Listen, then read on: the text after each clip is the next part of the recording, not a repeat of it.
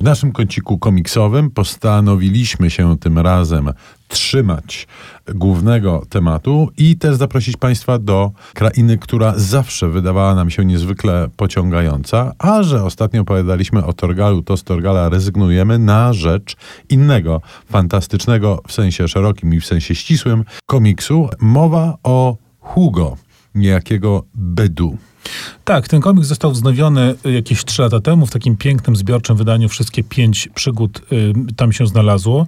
To jest absolutnie cudowna seria. Ci z Państwa, którzy pamiętają, zgodzą się na pewno. Ci, którzy nie znają, absolutnie przekonujemy, bo w kategorii tak zwanego komiksu dziecięcego, y, ale no, my dziećmi już nie jesteśmy od dłuższego czasu i dalej czytamy namiętnie, to jest absolutne arcydzieło. Po pierwsze ze względu na kapitalny rysunek. Bediu jest po prostu mistrzem kreski, a po drugie ze względu na scenariusz, ale właśnie te światy tam są niesamowicie y, y ciekawe. Nawet w pierwszej części, e, w tej opowiadającej o zaklęciu w fasole, mamy kilka różnych światów, do których nasz bohater rudowłosy Trubadur Hugo wraz ze swoim niedźwiedziem Biscotto i przeznaczeniem narcyzem trafia. E, na przykład ten świat, w którym warzywa walczą z insektami, albo takie podziemna kraina bagienna, gdzie e, nasz Hugo będzie walczył z straszliwym potworem, ale każdy z tych tomów prowadzi do nowych światów. One są niesamowicie narysowane, niesamowicie wymyślone.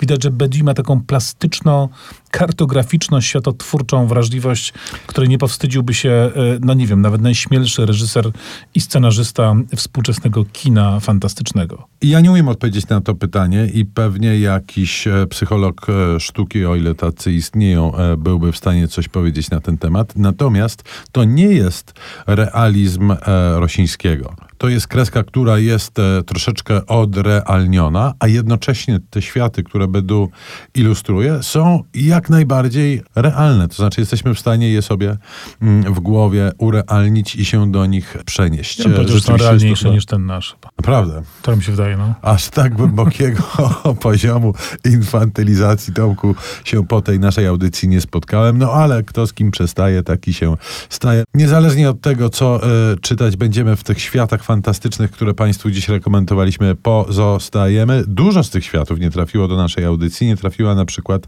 Narnia. To teraz trafi.